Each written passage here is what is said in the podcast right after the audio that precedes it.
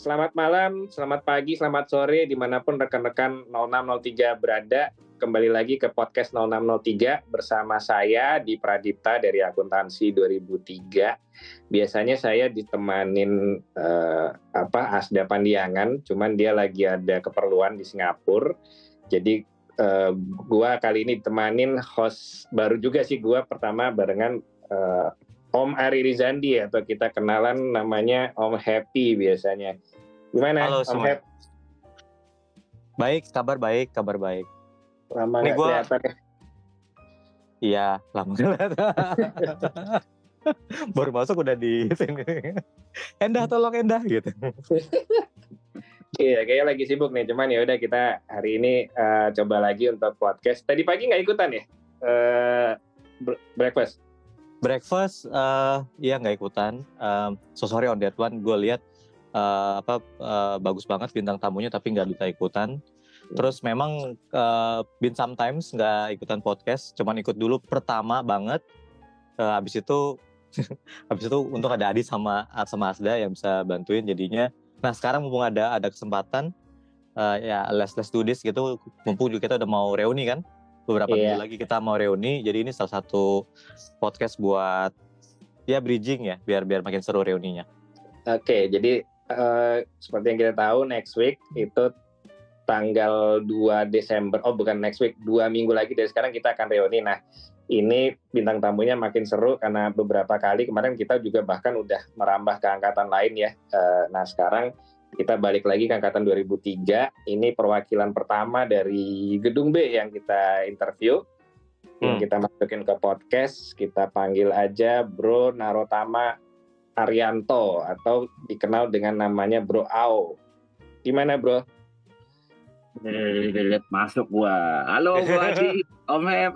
Hai apa kabar? Baik, baik, baik. Gimana kabar semuanya? Iya, masih- iya. Alhamdulillah. Ya alhamdulillah sehat. Mungkin boleh sedikit cerita nih eh, Bro Ao. Ya. Eh, mungkin namanya walaupun di kantor orang udah banyak mungkin banyak orang udah tahu lo lah ya. Lo mungkin kenalin sama teman-teman sekarang sibuknya apa dan segala macam gitu. Silakan Oke. Bro Ao. Oke, thank you Bro Adi, Bro Happy. Eh, nama gua panjangnya Narotama Yanto, tapi biasa dipanggil Ao di mana pun, dari kecil di rumah, di kantor, di industri. Kebetulan saat ini di pasar modal pun eh, banyak kolega yang manggil Ao juga. Jadi eh, lebih dikenal dengan namanya Ao ya. Itu Hmm. ada sejarahnya nggak sih? Bisa dipanggil Ao gitu atau ada ceritanya? Ada sejarahnya itu almarhum ibu gua kebetulan kita tuh sama-sama cadel. Nama Oh. gua cadel, ibu gua almarhumah juga cadel. Padahal nama gua banyak L-nya, nah Banyak sama. Nggak bisa dipanggil, nggak bisa panggil nama sendiri, singkatnya AO dari Naro jadi AO ya udah ya singkatnya seperti itu Terus ke Eh, bawah ya, terus ya. iya ke bawah terus sampai tua gini Oke, jadi 2024 kita pilih siapa nih? Loh, emang kalau Apa? bapak-bapak gini ya? Ampun, Kalau kalau. Bapak lebih dari tiga orang kumpul pasti banyak capres. Oke, padahal Nggak, sih nggak, eh, Podcast kita, netral. pokok- Podcast kita netral. netral. Jangan ke sana sana lah nanti nanti jadi jadi jadi kurang enak. Oke. Iya, kecuali kecuali bayarannya cocok mau dimonetize ya silakan.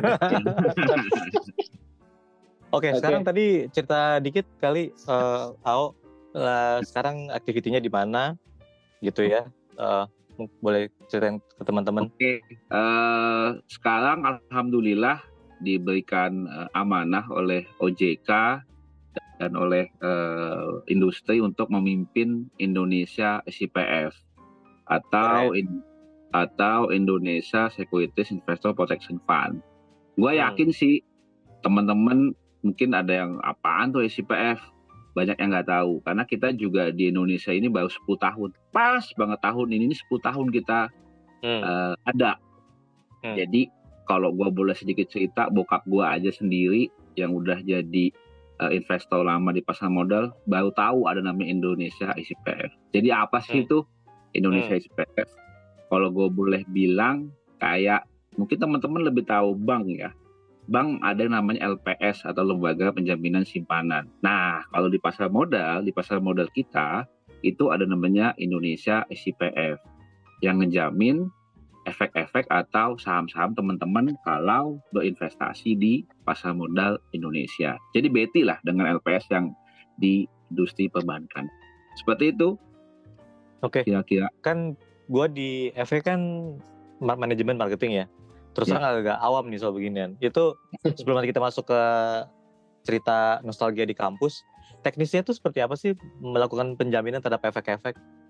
Jadi misalkan, gue nggak tahu. Oke oke oke. Gue analogi gampangnya aja boleh, nih. Boleh boleh boleh. Uh, uh, Bro Happy atau Bro Adi punya gue doain saham BBCA satu hmm. juta lot misalkan. Wah. Alhamdulillah. Amin amin. amin.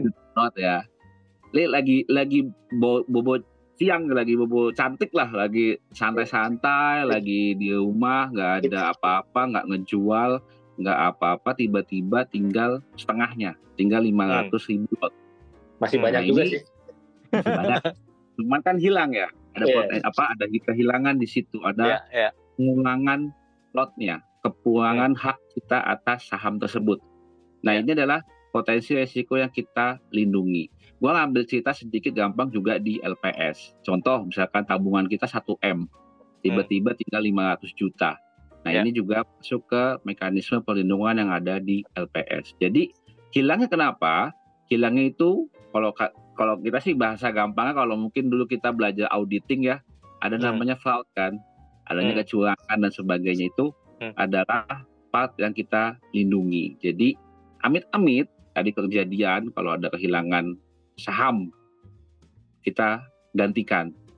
Saat ini sama dengan LPS, kita juga memiliki batasan maksimum. Kalau di LPS mungkin sudah cukup besar karena LPS sudah dari tahun uh, eh, 90-an, itu 2 hmm. miliar ya maksimum. Yeah. Kalau di kita di pasar modal ini per single investor itu saat ini 200 juta rupiah. Jadi hmm. kalau teman-teman kehilangan uh, saham, kami Indonesia SPF bisa mengcover hingga 200 juta rupiah per masing-masing sekuritas ya. Kalau di LPS kan masing-masing bank 2M. Jadi oh, ini okay. kalau teman-teman punya duit banyak, mendingan buka rekening efek saham tuh di banyak sekuritas. Iya, iya. Ya. Ini ini menarik nih karena uh, Om ya. Hep nih cita-citanya itu fire nih. Uh, Emang udah pada tahu fire. uh, apa? retirement early FI FI-nya apa bro?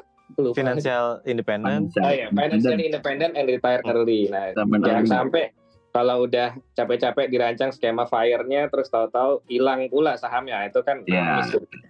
Iya nggak jadi bobo siang lagi. iya nggak jadi bobo siang lagi kerja lagi jadi. Iya iya iya. Oke mungkin kita balik ke pastimes dulu ya sebelum ya, sampai ya. ke SIPF dulu ya. Uh, tadi kan gue udah sempat singgung uh, Bro Al kan perwakilan pertama dari Gedung B yang masuk ke yeah. podcast kita ya.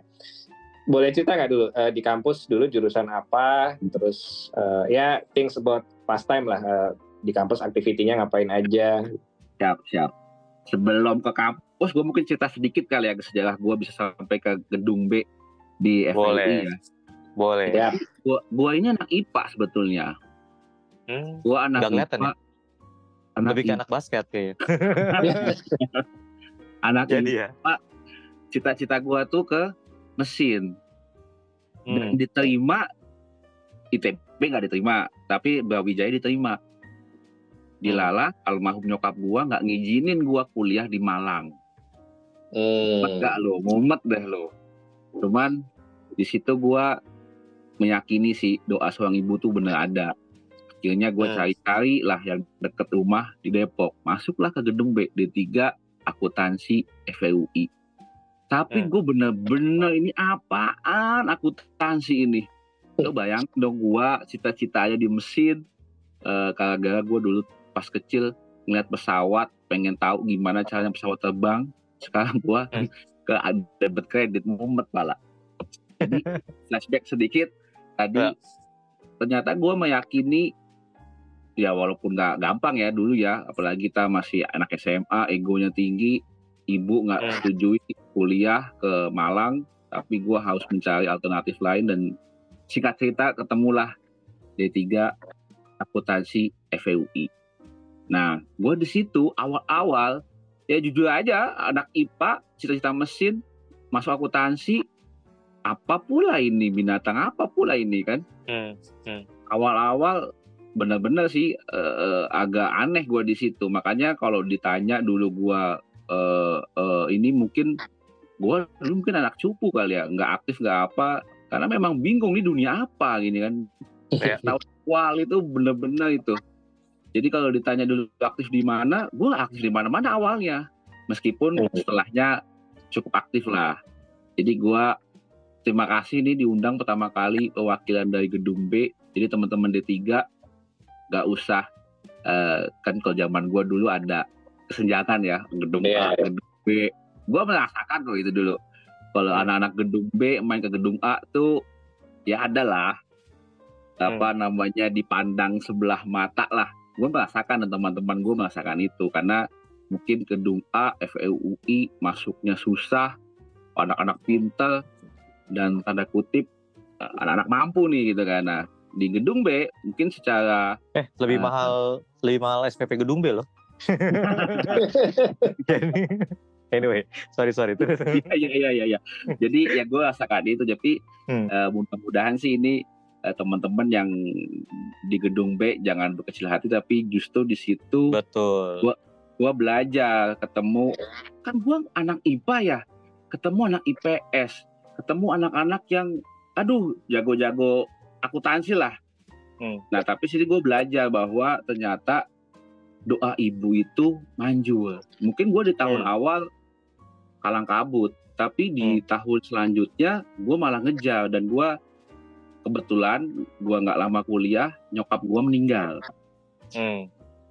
dan dia ngasih eh, kalimat akhir tuh di mana pun kamu serius dan bertanggung jawab. Nah salah satunya adalah gue kuliah. Hmm. Nah mungkin gue cerita sedikit pada saat di situ selama tiga tahun lah gue nggak aktif jujur aja karena gue ngejar Prestasi. ketidaktahuan gue Oh gitu. karena akuntansi tiga tahun awal tuh gue ngejar banget tuh gue belajar ke ke banyak teman-teman bahkan gue juga ke ke teman-teman yang kalau yang dulu anak rohis ya yang pintar-pintar ya yang PVC ya? ya Berarti- yang pintar-pintar lah sampai lupa. gue mepet teman-teman yang di situ buat ngajarin gue akuntansi dari dasar yaitu eh, alhamdulillah hasilnya cukup baik jadi tiga tahun gue nggak aktif. Gue lulus gue lanjut langsung ekstensi. Nah gue baru di ekstensi nih gue aktif. Aktifnya apa? Ya gue ngajar ngajar teman-teman D3 kembali. Dan kebetulan gue ketemu sama yang namanya Budia Setianingrum Hmm. Nah, Bu, Budia Setianingrum itu adalah du- dulu dosen akuntansi biaya, gue inget banget. Gue dulu nggak ngerti banget, akuntansinya nggak ngerti. Ada akut namanya akuntansi biaya, tambah nggak ngerti kan gue. Iya, iya. Tapi gue di challenge sama dia. Oh, justru kalau kamu nggak ngerti, kamu masa nggak ngerti dan mau ngerti, malah kamu jauh lebih baik. Nah, gue dapet banget quote-nya di situ tuh. Dilalah, singkat cerita, gue jadi asdos AB. Hmm. Dulu ngambil ekstensinya di Depok juga atau kelas yang di? Depok, Depok, di Depok. Di Depok gue ekstensi, jadi tiga tahun lulus, ekstensi Depok sambil kerja juga, sambil ngajar juga, gue so sibuk lah pas itu. Gue nggak aktif, jujur nggak aktif di kayak di BEM apa, tapi gue Hmm. aktif ngajar. Ngajar D3, gue aktif banget tuh. Lab gue ambil, lab auditing, lab AB, lab AK, lab pajak, gue ambil semua tuh. Banyak deh tuh, makanya gue cukup dekat dengan Bu Diah. Nah, pas ekstensi, gua karena ngajar itu gua sangat bersinggungan dengan akademisi ya akademik ya ya.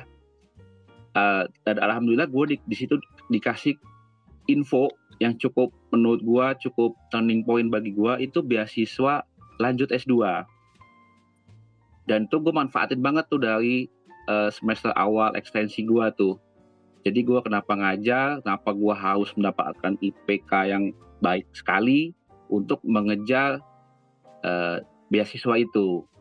Singkat cerita, mungkin kalau teman-teman yang di gedung A 4 tahun lulus ya, kalau gue lima tahun lulus kan, lima tahun aja itu ya eh, apa ngambil SP segala macam karena kan memang dulu nggak bisa cepet ya, lima Hmm. tahun lulus alhamdulillah gue ikut seleksi lanjut beasiswa S2 ke Maksi PPAK di Salemba. Hmm. lulus alhamdulillah. Dengan segala macam administrasi dan ini lulus. Tapi ada satu syaratnya surat pernyataan tidak mampu. Wah lah jadi Hmm. dulu beasiswanya UI kan agak-agak pelit ya kalau gue gue bilang ya. Jadi eh, untuk teman-teman yang bukan pelit sih memang teman-teman yang eh, Selektif. inilah, selektif lah ya. Berarti Ya. gue inget banget tuh lulus ekstensi gue ujian segala macam dapat dan dapat sponsor dari Budiah juga. Tapi ada satu syarat.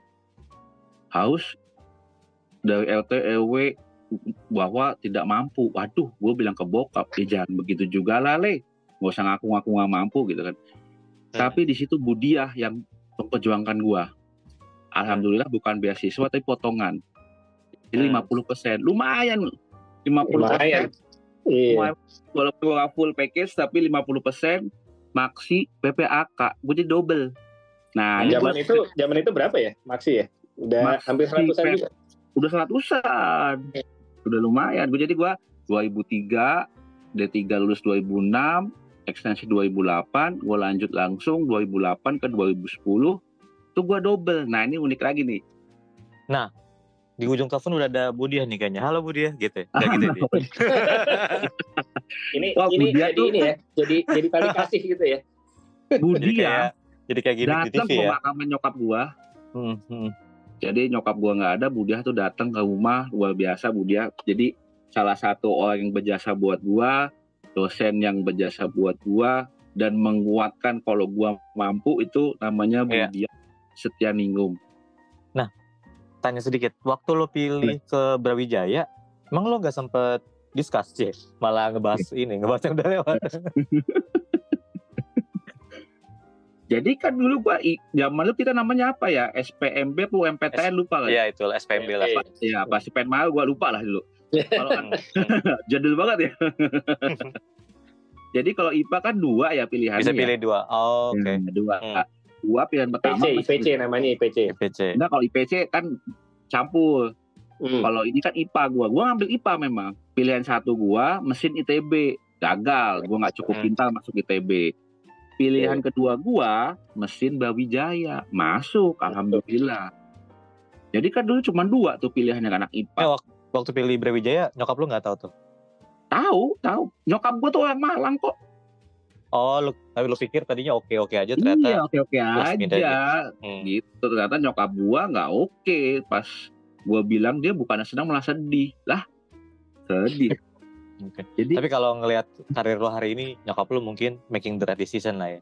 Nah, Amin. itu buat di situ alhamdulillahnya kalau nggak gini nggak gini gitu kan nggak Iya, iya. istilahnya begitu nggak begini gitu kan istilahnya ya. Justru gua mikir aja pas sendiri kalau lagi sholat gitu. Oh ini mungkin gua ngikutin doa nyokap gitu. Hmm. Ini mungkin sedikit ini ya, Sedikit apa boleh lanjut? Nggak apa-apa. sedikit tips lah ya. Kita boleh sebadung-badung tapi jangan badung sama nyokap deh. Itu Oh, Oke. tips dari gua deh. Doa nyokap tuh menurut gua ya luar Dijabah. biasa. Heeh, luar biasa itu gua gua ngerasain dari sekarang makanya gua ke anak-anak kamu boleh nakal ke luar tapi kalau udah di rumah tuh cium kaki mamah kamu tuh. Jadi dulu lu bandel nih ya? Enggak sih, enggak enggak. enggak. Langsung. Kesimpulan yang salah nih. Kesimpulannya salah. Oke, jadi kan tadi udah dibahas ya, eh, dirangkum semua nih eh, lengkap kenangan di kampus, kuliah sama dosen favorit juga tadi ya Budiah gitu ya.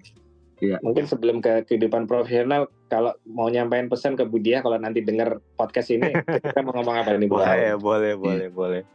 Budiah kalau dengar di mana pun berada sehat selalu dari hati yang paling dalam saya cuma mau terima kasih saya sampai detik ini pun masih ingat statement Budiah gedein hati gua tuh pada saat menghadapi apa sih ini akuntansi biaya dan Hmm. jadi yang yakin dan ini satu quotes yang gue pakai juga dari beliau nih ya mungkin teman-teman oke juga kali ya Hmm. jalanin apa pun yang kalian senengin tapi dalemin apa pun yang kalian tidak senengin. Nah ini. Wah, Hmm. menarik ya. Untuk yang nggak Nah, disenengin nah, malah gua, gua dulu ya. belajar dari dia tuh. Hmm. Jadi lu ngapa jalani hidup nih ap- yang seneng lu jalanin, tapi yang nggak lu senengin dalemin malah, bukan dijalanin dong, didalemin. Didalemin. Hmm. Nah itu gue dapet quotes kan lu gue nggak suka akuntansi dunia apa ini kan akuntansi gitu kan Ya. gue gue menolak dalam diri gue setahun awal tuh mau IPK gue buruk lah dulu jujur aja di, di tiga tuh gue lulus ke pas banget tiga pas banget lah di semester satu tuh gue semester satu dua di bawah tiga bahkan karena gue emang stres kan nggak ngerti dunia apa ini gitu kan mungkin Iya, iya. semester tiga empat gue baru bisa ngejar baru ketemu kebudiah itu di semester tiga kan AB ya akuntansi biaya ya Iya. Oh, benar juga nih gue gak ngerti apa-apa tapi harus mendalemin. Nah, itu gue turning point gue sih ngejar sampai ya alhamdulillah setelah itu lulus-lulus dan baik. Iya, mung- mungkin lo nggak merasa sendiri sih bro. Tadi barusan yang pas breakfast forum hari ini Kak Sandra juga bilang Ya. dia konten Kak juga. Sandra, Dia, Kak. Sandra. dia, dia counting juga dan dia juga cukup happy kalau accounting itu udah balance, udah that's it gitu aja. Dia, dia juga nggak ngerti belajarnya. yang penting ketemu apa neraca balance buat dia udah cukup gitu. Dia sendiri ngaku pelajaran favoritnya malah yang IE, makro, mikro Oh gitu. iya iya. Iya. Kalau yang udah accounting asal balance ya, kita semua pernah pasti ngerasain gitu deh. Betul waktu betul. ujian kan eh, waktu Betul, ujian pertanyaan pertama balance nggak lo balance terus berapa tuh eh, RE-nya ini Beda. oh segini lu segini ya baru panik gitu kan Tapi kalau nggak balance lu tambah panik. kalau nggak balance lebih panik lagi tapi balance belum tentu, belum tentu anda benar gitu Tapi kalau nggak balance pasti salah. udah pasti kalau nggak balance sudah pasti salah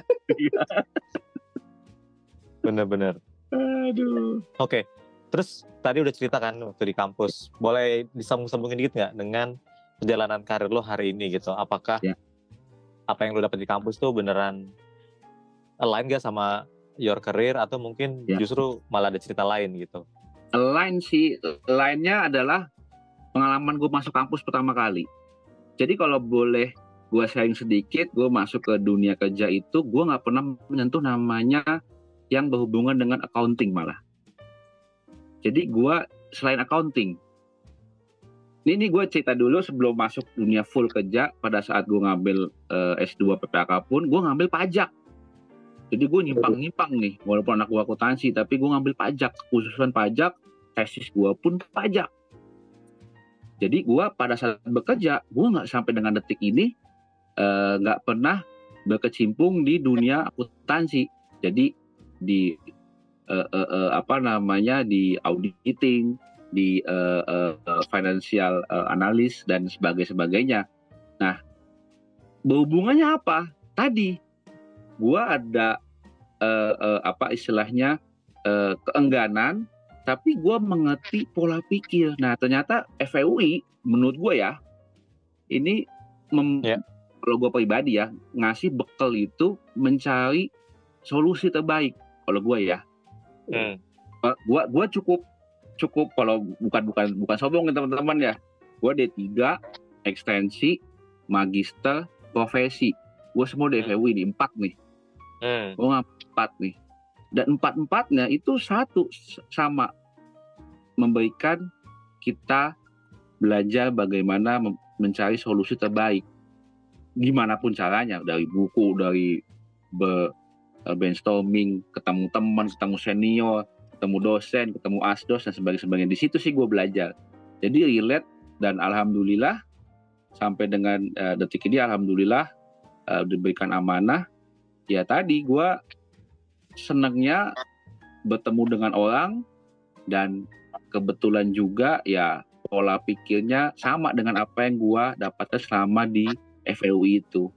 Jadi kalau tadi gue boleh boleh bilang agak unik nih gua nih empat empat Iya. D3 ekstensi dan sebagainya.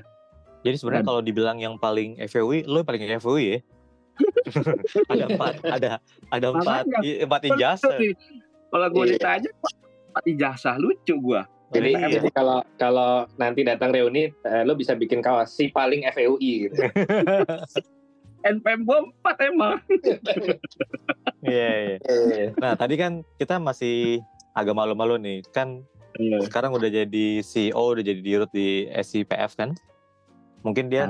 Ao ini salah satu orang yang beruntung nih di. Karena kalau Sial dia jadi menteri ya. Sekarang dia beruntung masih Sekarang lagi beruntung. lagi Iya. beruntung ya di Rod. Oh iya iya Nanti iya. iya, betul. 2024 bisa, Nah. bisa aja sial nanti 2024 Nah, dapat 2024. panggilan jadi menteri atau kepala BKPM gitu ya. Nah itu baru Sial.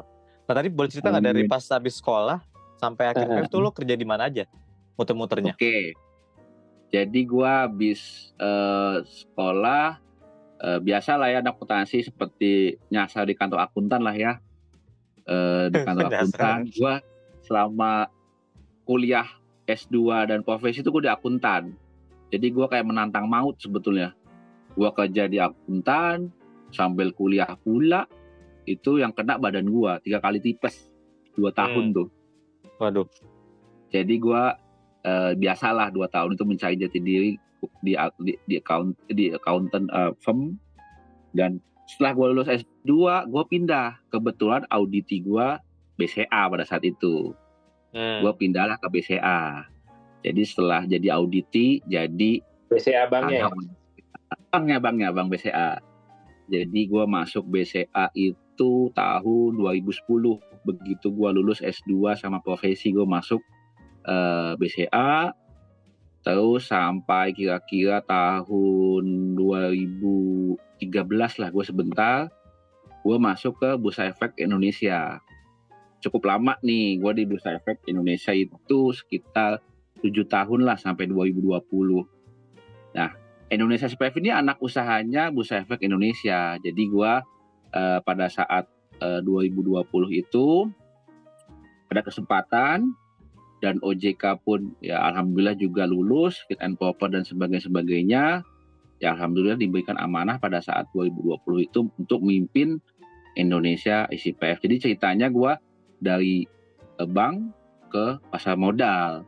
Jadi eh apa ya ya kurang lebih dan selama perjalanan itu gua nggak pernah di accounting jadi gua nggak pernah tuh masukin transaksi jurnal tuh nggak pernah gue alhamdulillah tuh jadi gue ketemu orang mulu masuk ke strategis finance, masuk ke auditing, masuk ke pajak, masuk ke apa. Tapi untungnya bukannya administrasi yang gua nggak demen. Jadi gua ambil lagi quotesnya Budi ya. Jalan yang lo demen, tapi dalemin yang lo nggak tahu. Kan gua nggak tahu tuh dulu tuh apa pajak tuh. Gua nggak tahu jujur pajak tuh. Gua dalemin di S2. Agak nekat sih jujur aja gitu kan. Eh, eh, eh, eh, eh, eh, apa? Terus gua nggak tahu yang namanya dulu eh, apa tuh istilahnya ya eh, eh, analisa apa tuh portfolio investasi gue pelajari di profesi di PPAK ada tuh gue ngambil tuh kan ada pilihan-pilihannya kan gue ngambil tuh di bagian eh, pasar modalnya jadi justru itu bekal gue pada saat ke bank terus masuk ke pasar modal jadi agak-agak inilah ada kalau ya apa namanya ilmu debit kreditnya gue dapet nih di bank sama di pasar modal kan beda nih Ini udah tipis-tipis ngomongin kerjaan dikit, nggak apa-apa lah ya. ya ya boleh jadi dapat bocoran, bocoran dikit nih.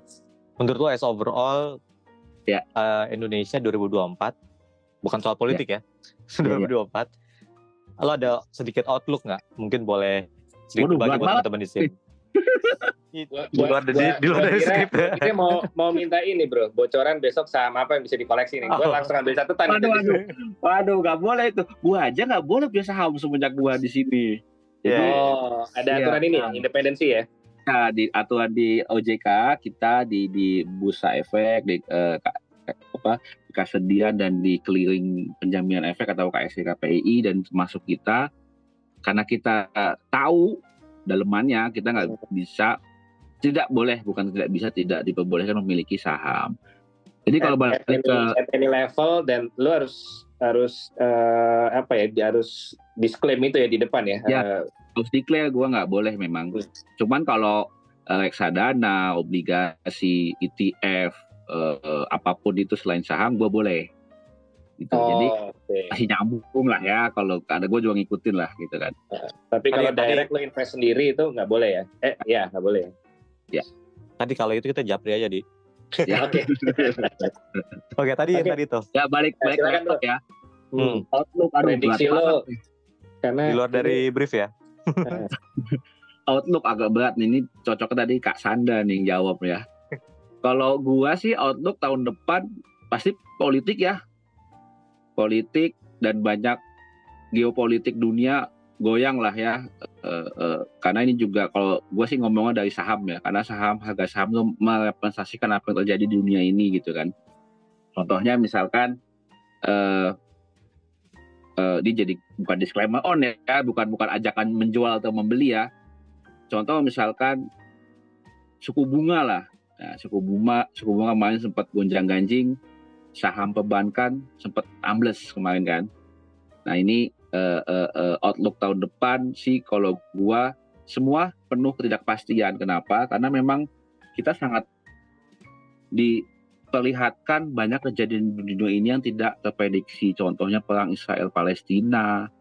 Ini belum berasa nih efek-efeknya. Kalau masih panjang, efeknya banyak minyak dunia dan sebagainya.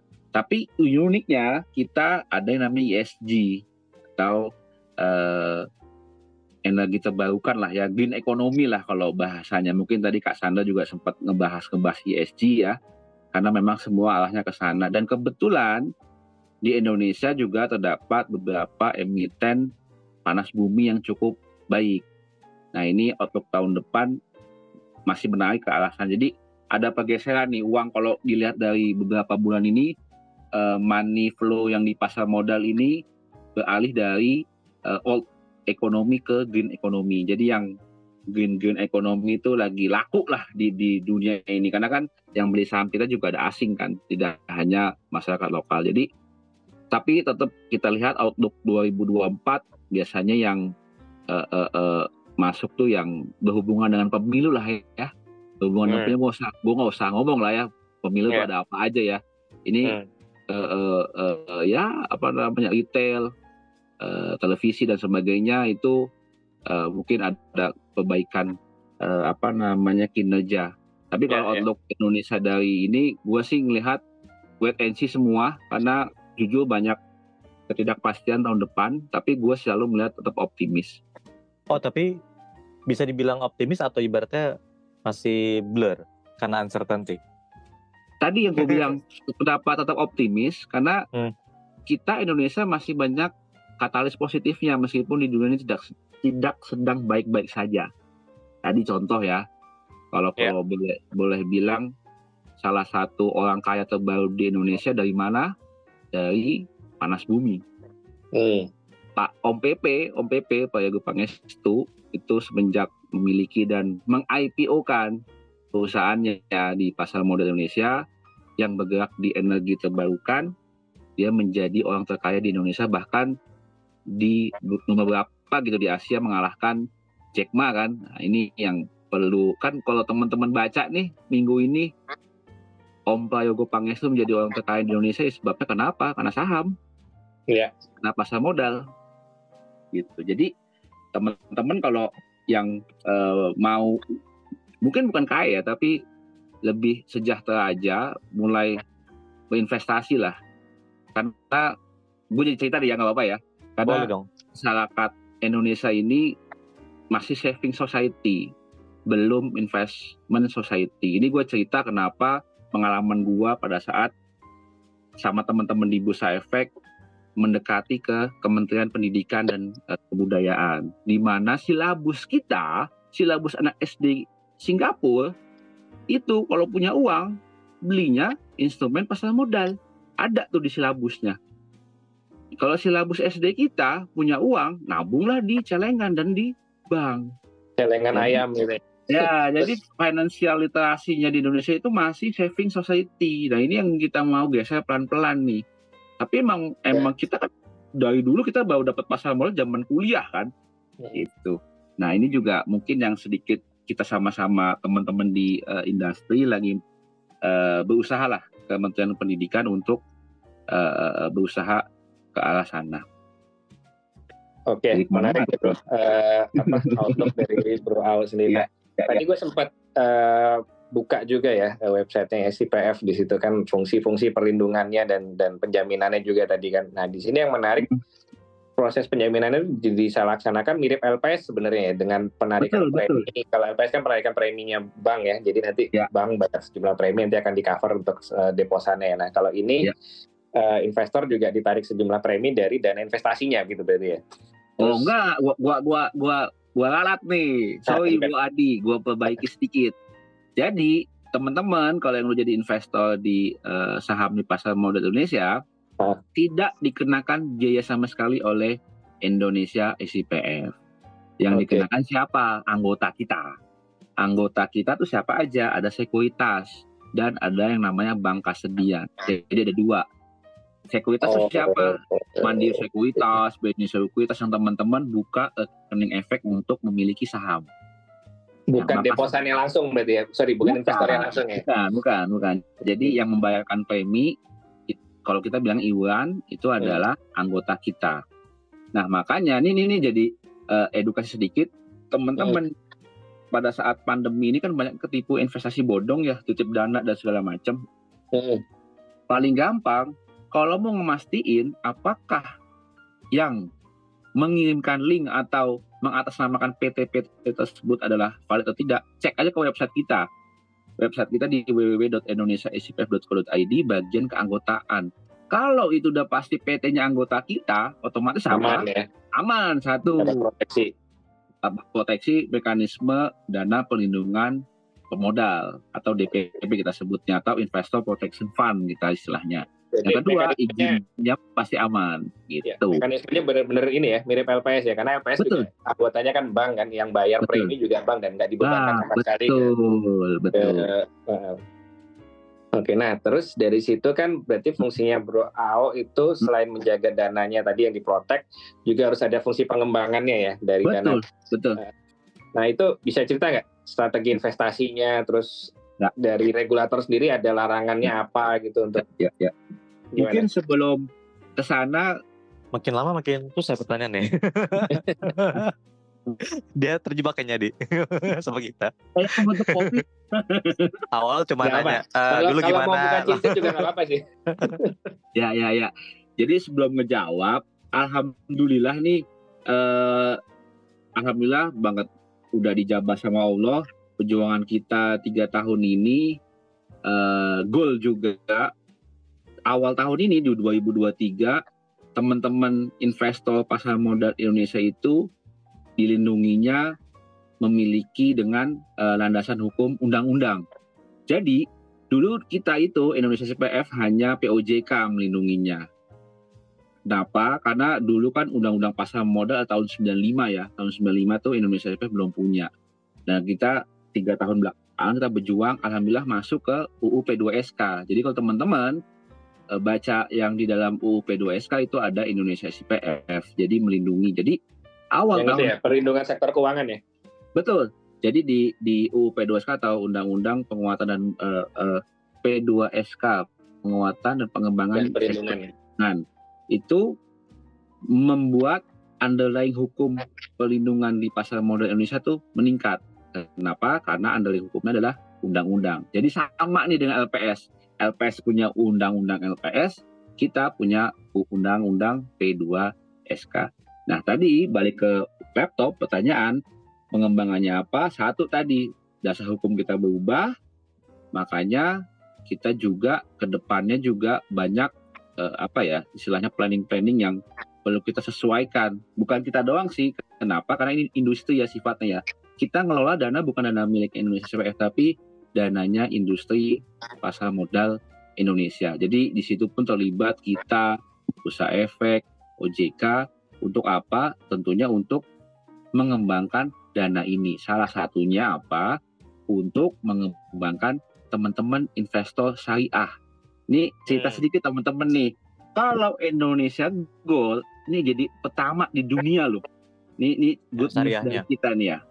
Jadi di Indonesia saat ini dari pasar modal ya kita ngomong pasar modal Indonesia saat ini dari awal rekening buka, rekening dikelola, transaksi dikelola, disimpan, diselesaikan transaksinya, ini semua udah memiliki mekanisme syariah. Tinggal ujungnya nih. Ujungnya kalau ada apa-apa, pelindungannya.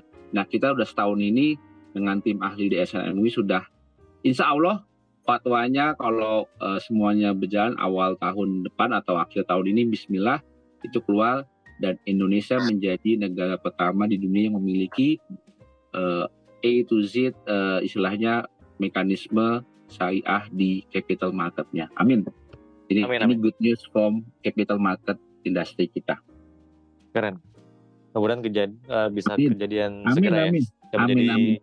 nomor satu di di dunia, dunia untuk pertama kalinya.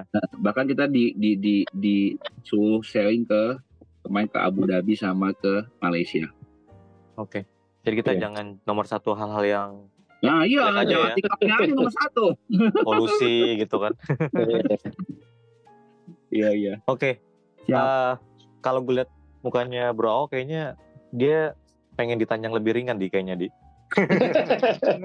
Petak gini ya. Boleh yeah. silakan. Iya, mungkin balik ke inilah ya uh, perjalanan karir sendiri. Nah, uh, untuk sampai di posisi ini nih boleh share nggak bro? Uh, hmm kan udah disinggung dari BCA terus ke, pasar ke BIJ ya tadi ya. ya BI, nah, BI, Bursa Efek Indonesia. Sorry BI, tahun umur dong ya BIJ ya. dari BI terus langsung diassign ke SIPF Indonesia ya. SIPF itu SCO atau hmm. ada posisi lain dulu terus gimana nih caranya terobosan-terobosan yang dilakukan sampai akhirnya ya. dipercaya bisa jadi CEO-nya Indonesia SIPF. Jadi uh, alhamdulillah pada saat di sign ke Indonesia SPF langsung uh, untuk mimpin jadi langsung diberikan amanah cuman memang uh, sepertinya sih kayak lancar-lancar saja tapi sebenarnya kemarin cukup banyak rintangan yang kita hadapin. Salah satunya uh, bahkan dari uh, ya ya ya ya industri lah ya. Kenapa? Satu relatif muda. Bahkan sempat ada yang nanya tuh uh, pada saat di FNP di fit and proper bagaimana kalau kamu ngadepin internal yang jauh lebih tua daripada kamu? Ya santai aja pak. Jadi temen aja.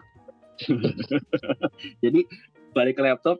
Jadi ceritanya adalah ya tadi kenapa bisa jadi pada saat uh, 2020 ya pas aja sih semua jadi kalau boleh bilang ada kesempatan tapi sekaligus tadi lagi-lagi ke Budia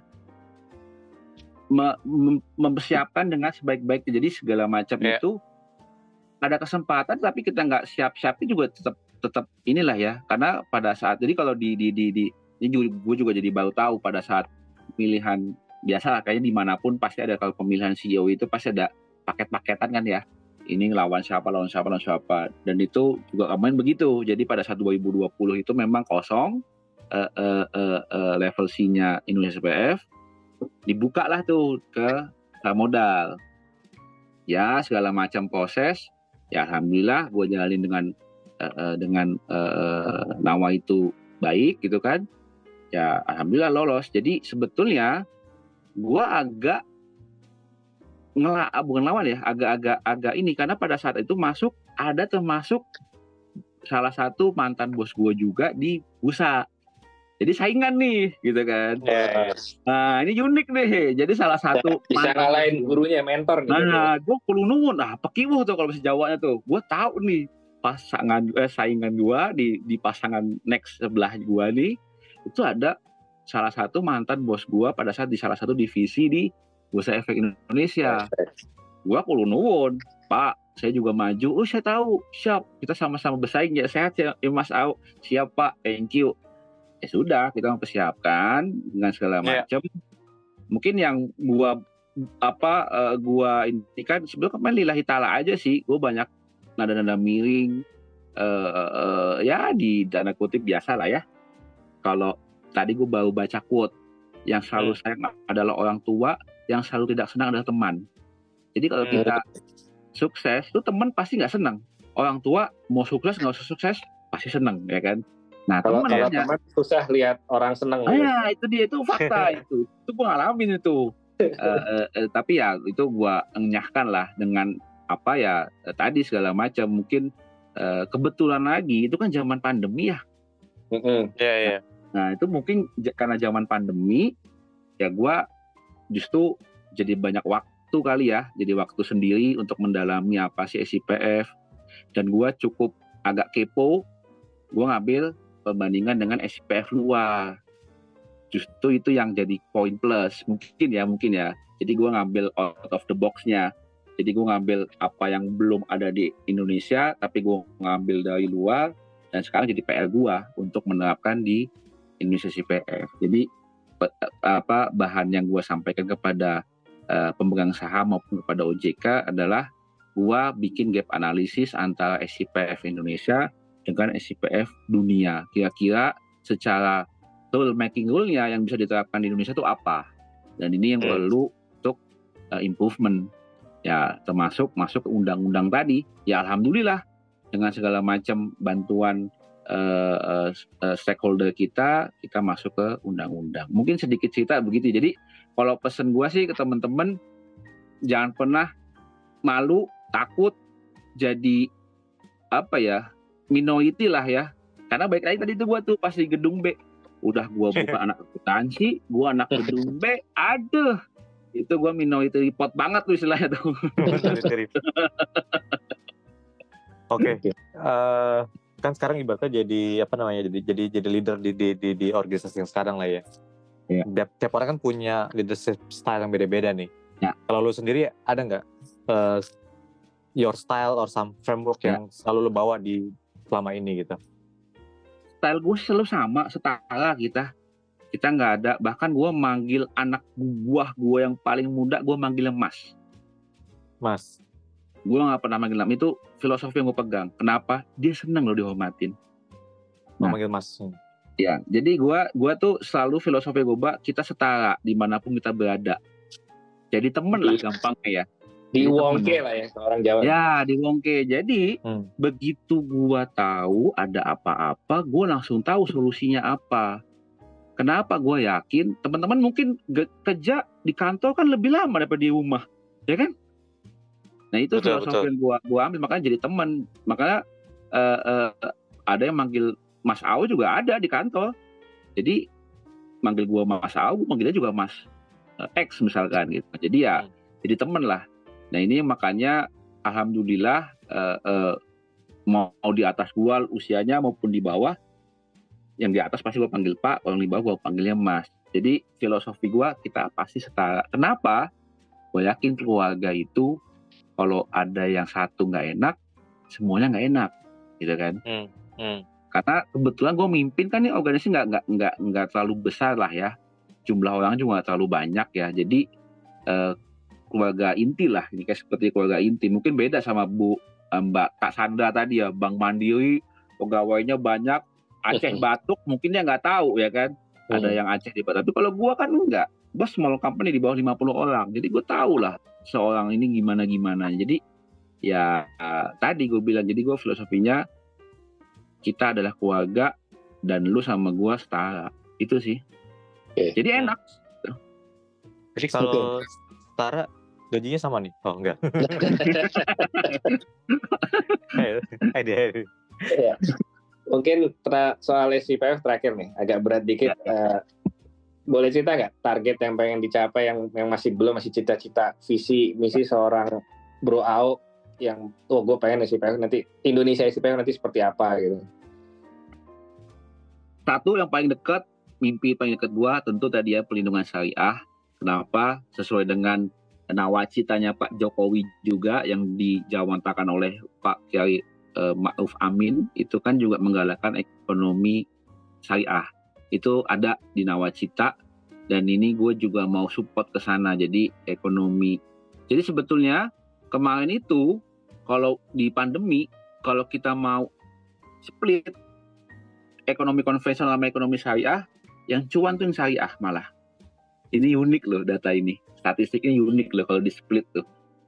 Nah ini gue mau ke sana nih mimpi terdekat. Kalau mimpi yang jauh banget, maksudnya yang yang yang mimpi gue untuk Indonesia CPF, kebetulan karena kan kalau di kita level C ada umurnya ya, uh, apa nggak selamanya bisa di sini karena kita bisa entah ke mana nanti udah apa jalan kita habis dari CPF ke mana lagi itu nggak yeah. tahu tapi selama masih dalam periode gue mimpin insya Allah gue ingin Indonesia SPF ini terdengar hanya di Indonesia tapi di global. Tadi kan kalau di Indonesia mungkin alhamdulillah undang-undang udah itu kan part of mimpi gue juga tuh ya.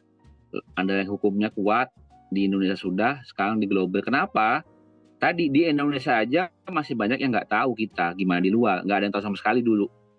Gitu. Yeah. Jadi kita mulai eh, tahun ini kebetulan udah pandemi sudah meledak, ya gue galakin sih banyak ngomong aja keluar, sok-sok kenal sok dekat lah, sok-sok ngirimin say hello, say Yeah. apa gitu kan ya ke ke luar. Jadi gue ingin lebih terdengar secara global. Seperti itu sih. Aktif lah, bukan terdengar dong aktif di global. Oke. Oke, Eh, menarik banget nih. Nah, yang di sini kita ngobrol agak santai deh, udah. Ya, udah alhamdulillah. soal profesionalisme udah kita kupas tuntas. Nah, ini kita eh, ekskul nih, ekskul sampingan di luar di luar kerjaan kantor nih. Bro apa nih? Di luar kantor hobinya Hobi gua itu jujur ya, ini dikritik sama istri sih. Jadi nggak punya hobi belakangan ini. Jujur, jujur ya. Bukannya bukannya ini ya. Hobi. terlalu, terlalu sibuk mikirin ini ya, SIPF nih, Indonesia Ini makan botak nih. Jadi eh, hobinya sebenarnya dua, otomotif sama game, ya kan. Hmm. Oh. Cuman game ini juga nggak kejalan kenapa mata udah silinder nih betulan. Jadi pusing kalau main game. Jadi eh, ada PS di rumah pun juga udah dianggurin. Terus- Kalau kalau otomotif apa? Ikut klub mobil kah apa Ya, itu motor? klub mobil, klub mobil masih ikut sih sampai dengan saat ini. Alhamdulillah walaupun udah eh, dulu sempat jadi ketua gengnya lah ya, ketua eh, kecap-kecap lah ketua chapter segala macam, ketua bahkan sempat ketua umumnya juga segala macam. Sekarang udah enggak karena takutnya nggak bisa ikut selalu di acara. Tapi kalau geng-geng bukan geng lah jangan geng lah ya. Karena eh, banyak positifnya kok ikut ke komunitas eh, suatu komunitas ya apa pun ini namanya ya ya kita bisa bersosialisasi, kita bisa tambah keluarga, dan bahkan kita bisa membantu yang eh, eh, memiliki kekurangan dibanding kita. Itu sih. Terus Gitu. kalau bicara apa eh, personal life dan apa di luar profesional tadi kan juga sempat nyinggung eh, aktif juga ya di Luni FEUI ya. Eh, boleh Hmm. Oh cerita iya, nggak, Bro? Jadi karena gua hobinya ngajar awalnya kan. Jadi cerita gini nih, ngajar dulu nih. Sampai sekarang pun gua masih aktif ngajar sih di kalau di capital market itu ada namanya Teach Me. Teach Me itu sertifikasi. Jadi teman-teman yang mau berkarir di pasar modal itu kan ada beberapa sertifikasi yang wajib ya kan. Nah, gua tuh WPPE. ngajar di situ BPPE, BPPE, WMI dan sebagainya itu gua ngajar di situ aktif dari dulu sampai sekarang alhamdulillah. Dah dari ngajar itu gue ketemu banyak orang-orang UI yang senior-senior. Pernah gue ngajarin mereka. Jadi ngajarin yang eh kamu ini juga ya iluni apa apa anak UI juga iya bantuin gua dong. Nah, ya udah dari kalimat bantuin gua dong ya dulu eh, jadi masuk ke namanya ke, ke eh, aset manajemen kebetulan divisi financial eh, eh, Hmm. eh, investment. Nah di situ Oke. Tugas gua Itu sebagai ketuanya. Enggak, enggak, gue bagian anggota aja. Enggak mau gue jadi anggota apa ketua, takut takut ini. Karena senior-senior semua di situ isinya. Yang yang jadi ketuanya siapa nih? Kalau yang divisi apa tadi financial? Eh, ini a- a- Mas Abi, Mas Abi tuh temennya Kak Sandra juga. Angkatan 90 atau 91 gue lupa. Dia direktur utama di mana gitu. Terus ada juga direkturnya Bahana Sekuritas apa apa pokoknya senior-senior lah intinya. Iya. Tadi tadi Cassandra pagi-pagi sempat singgung ini sih. eh, cita-citanya tuh bikin endowment fund-nya terus digabungin sama reksadana Hmm. gitu ya. Udah, boleh- alhamdulillah nih. Ceritanya nyambung Boleh, nih, boleh nggak? Boleh. Seru nih jadi- Gua, gua tadi ngeliat sekilas dari presentasinya. Ya, nih. ya, ya. Alhamdulillah salah satu output yang dari tem- kita lah ya, Hmm. eh, apa? Kebetulan kita salah satu anggotanya itu adalah direktur Bahana Aset Manajemen. Nah, kalau teman-teman googling ada namanya Bahana Makara UI. Nah, Oh. Nah, itu part of kita buat teman-teman junior kita. Jadi, siapa pun yang nanti beli reksadana itu, hasilnya, fee-nya itu untuk beasiswa teman-teman yang membutuhkan. Jadi, Hmm. salah satu output yang sudah berhasil ya kita luncurkan dari divisi kita atau direktorat kita itu adalah reksadana Makara UI tadi. Jadi eh, alhamdulillah makanya kemarin kita eh, ngambil-ngambilnya direktur Bahana, direkturnya uh, uh, uh, apa saya lupa ya uh, pemeringkat efek Indonesia. Jadi kita ngambil-ngambil terkait termasuk saya sendiri di bidang pasar modal dikumpulin tuh uh, diajak ngadu lah istilahnya di situ ngadu ide lah gitu kan ya alhamdulillah bertelurlah satu reksadana dan Kak Sandra juga dulu setuju banget karena ini uh, uh, untuk teman-teman uh, yang membutuhkan juga dalam hal ini untuk uh, uh, apa namanya uh, beasiswa ya teman-teman ya gitu iya. hasilnya. Ya. Hmm. Ini bener sih, AO nih yang paling FVU sih bener bro. Dia dari dulu sampai sekarang sampai masih aktif di UIN segala macam. Nah kita udah mulai ngomong soal FVUI, kita ya. juga tahu kan mungkin kita udah ada rencana nih mau reuni 20 tahun. Ya, ya betul Boleh betul. kasih ini nggak, uh, what's your thoughts on that one? Apakah nanti bisa datang atau uh, atau gimana sekarang nih? Jadwal gua sih sampai tanggal 1 tuh masih di luar. Mudah-mudahan dapat last flight balik ke sini sehingga tanggal nah. 2 pagi bisa ke Depok mudah-mudahan. Kemarin tadi gue juga udah uh, buat tadi kemarin WA sama Endah ya. Eh, mudah-mudahan gue bisa datang. Bismillah. Uh, yeah. karena jadwalnya tanggal 1 masih di luar tapi ya mudah-mudahan ya apa yang gua ini kan sebenarnya ini ini ya uh, uh, kalau gua ngeliat pas aktif di Iluni itu kita beruntung loh betul masuk ke UI itu maksud gua tuh apa ya uh, kayak semua itu ada UI-nya gitu loh. Gua gua mau ketemu orang perbankan ada Sandra ya kan? Gua mau bikin produk ada dari Bahana direkturnya juga anak Iluni. Jadi sebetulnya kita bawa Panji Iluni apa bawa Panji uh, uh, uh, FUI UI FUI apalagi FUI itu menurut kita beruntung.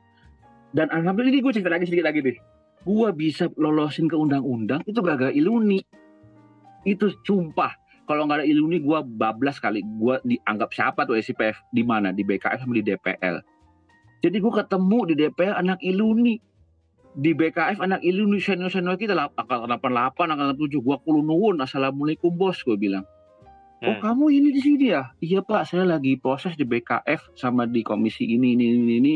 Kalau kita ini ya udah lu pesan aja ke gua ke tim gua. Apa pun hasilnya nomor dua ya oh tapi kita ini. Itu gak ada apa iluni ini gue cerita lagi gue baru inget ya. Gue bisa ngegolin yeah, yeah. ke undang gak ada apa. Iluni coy.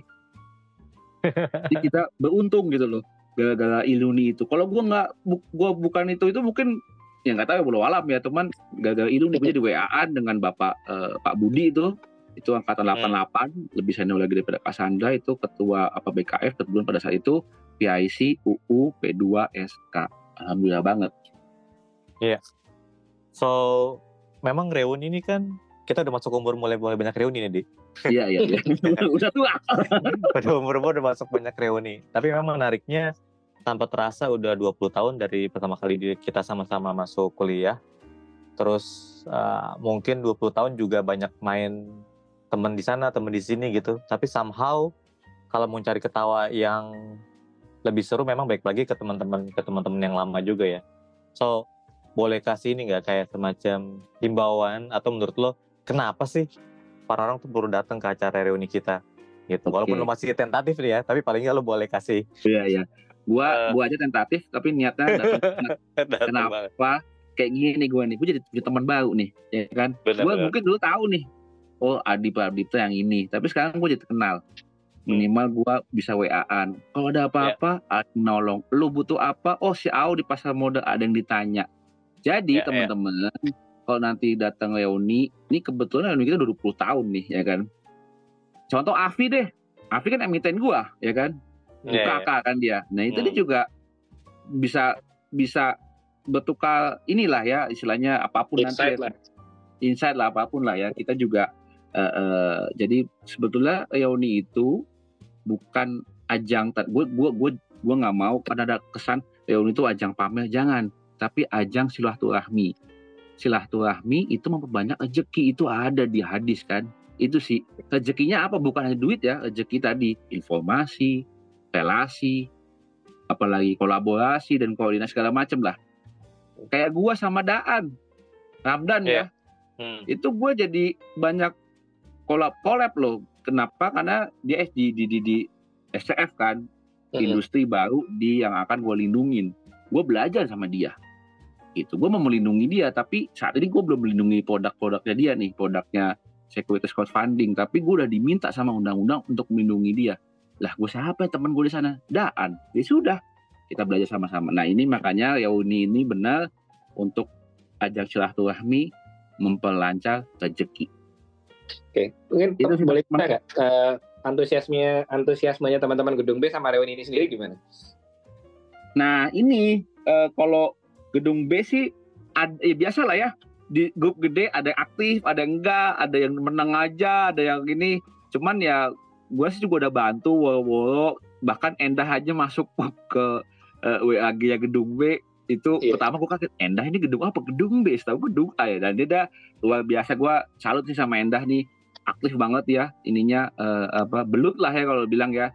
Dan antusiasmenya sih kalau kemarin gue Japri yang eh, gua biasa dulu ngobrol sih datang ya yang yang, yang deket-deket lah ya. Kan nggak semua deket lah ya tapi yang circle gua tuh pas di gedung B insya Allah datang semua. Karena memang pas banget kan 2023 20 tahun gitu kan ya mudah-mudahan sih nanti tanggal 2 rame lah crowdnya Iya. amin Eh, iya, mungkin kita sebenarnya satu angkatan yang cukup beruntung karena tahunnya masih pas nih, tahun 20 20 tahun ya. ya betul Angkatan-angkatannya somehow karena kena pandemi jadi nggak bisa tuh punya Betul. reuni 20 tahun gitu ya. iya iya iya iya reunian- Tahun 2002 Dulu. aja barengan iya 2002 iya ya Iya, betul. ke depan ya mereka b- kalau nggak salah ini.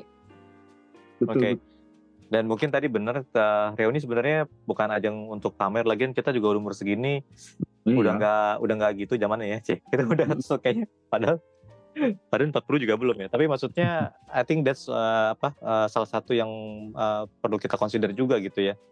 Karena Hmm. oke things will not the same. Maksudnya ya dalam pengertian mungkin nggak seluruh teman kita bisa datang gitu kan eh, interaksi mungkin kita berbeda tapi paling nggak sebagian besar kita bisa menghadirkan lagi nostalgia itu tadi bisa bikin rezeki tadi nggak nggak cuman soal apa nggak soal uang tapi banyak hal termasuk ketawa-ketawa sama temen bisa nambah panjang umur dan ini ya. So gue pun juga berharap bisa ikut datang udah udah kosongin mudah-mudahan nggak ada hal-hal yang menginterupsi kalau Bro Adi sendiri gimana nih? Pasti datang lah sebagai panitia utama mah. Ini gua terus terang masih 50-50 juga nih. Karena udah disclaimer Gua- nih gue sama kayak Bro Al, gue bahkan sampai tanggal 2 masih di tempat acara kantor ya.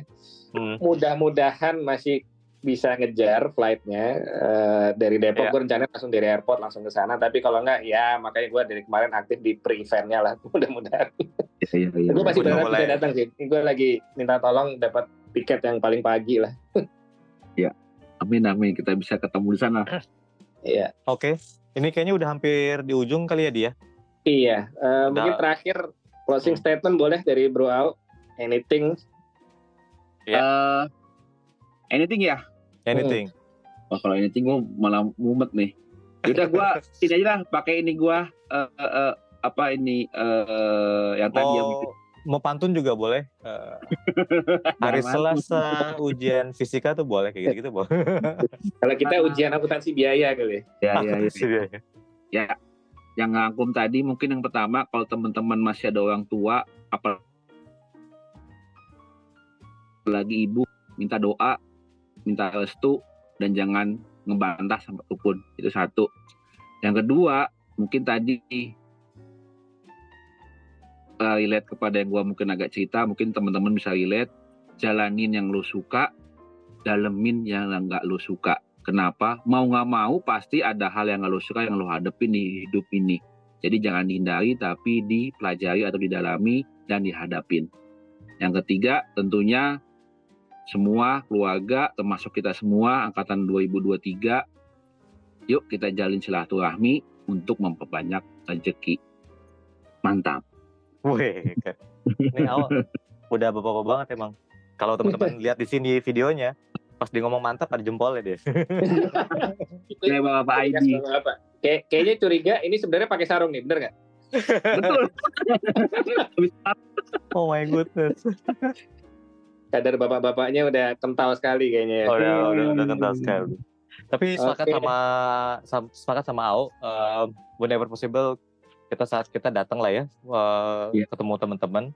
Sama sebenarnya kalau dipikir bener juga ya, kenapa kok kesannya dulu tuh ada perbedaan gedung A, gedung B gitu. Mungkin kita juga sesama Iya. angkatan nggak pernah bermaksud itu sama itu sama-sama sekali.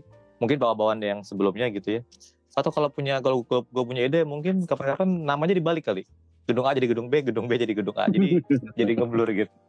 Itu dari gua. Adi mungkin mau tutup? Iya, oke. Kita udah sampai di penghujung podcast kali ini. Thank you banget waktunya uh, Bro Ao dan Om Hep. Kita udah dapat banyak insight juga perjalanan karir Bro Ao dan mudah-mudahan dengan podcast kali ini bisa jadi jembatan yang baik lah ya silaturahmi yang bahwa sebetulnya nggak ada nggak ada perbedaan lah gedung A gedung B we are one family kita satu keluarga satu keluarga besar FUI dan eh, mengutip Bro Ao tadi mudah-mudahan ditunggu semua teman-teman kehadiran tanggal 2 Desember ya 2 Desember 2023 untuk reuni kita dan juga boleh ditunggu partisipasi aktifnya di Luni nanti yang bingung yang bisa apa mau tahu soal Luni bisa kontak Bro Ao juga Eh, itu aja dari dari kita kali ini. Eh, saya di Pradipta pamit. Om Hep. Gua Om Hep biasanya panggilannya. Pamit juga. Sampai ketemu di episode-episode berikutnya. Berikutnya. Bye bye. Cut. Thank you. Out, head out.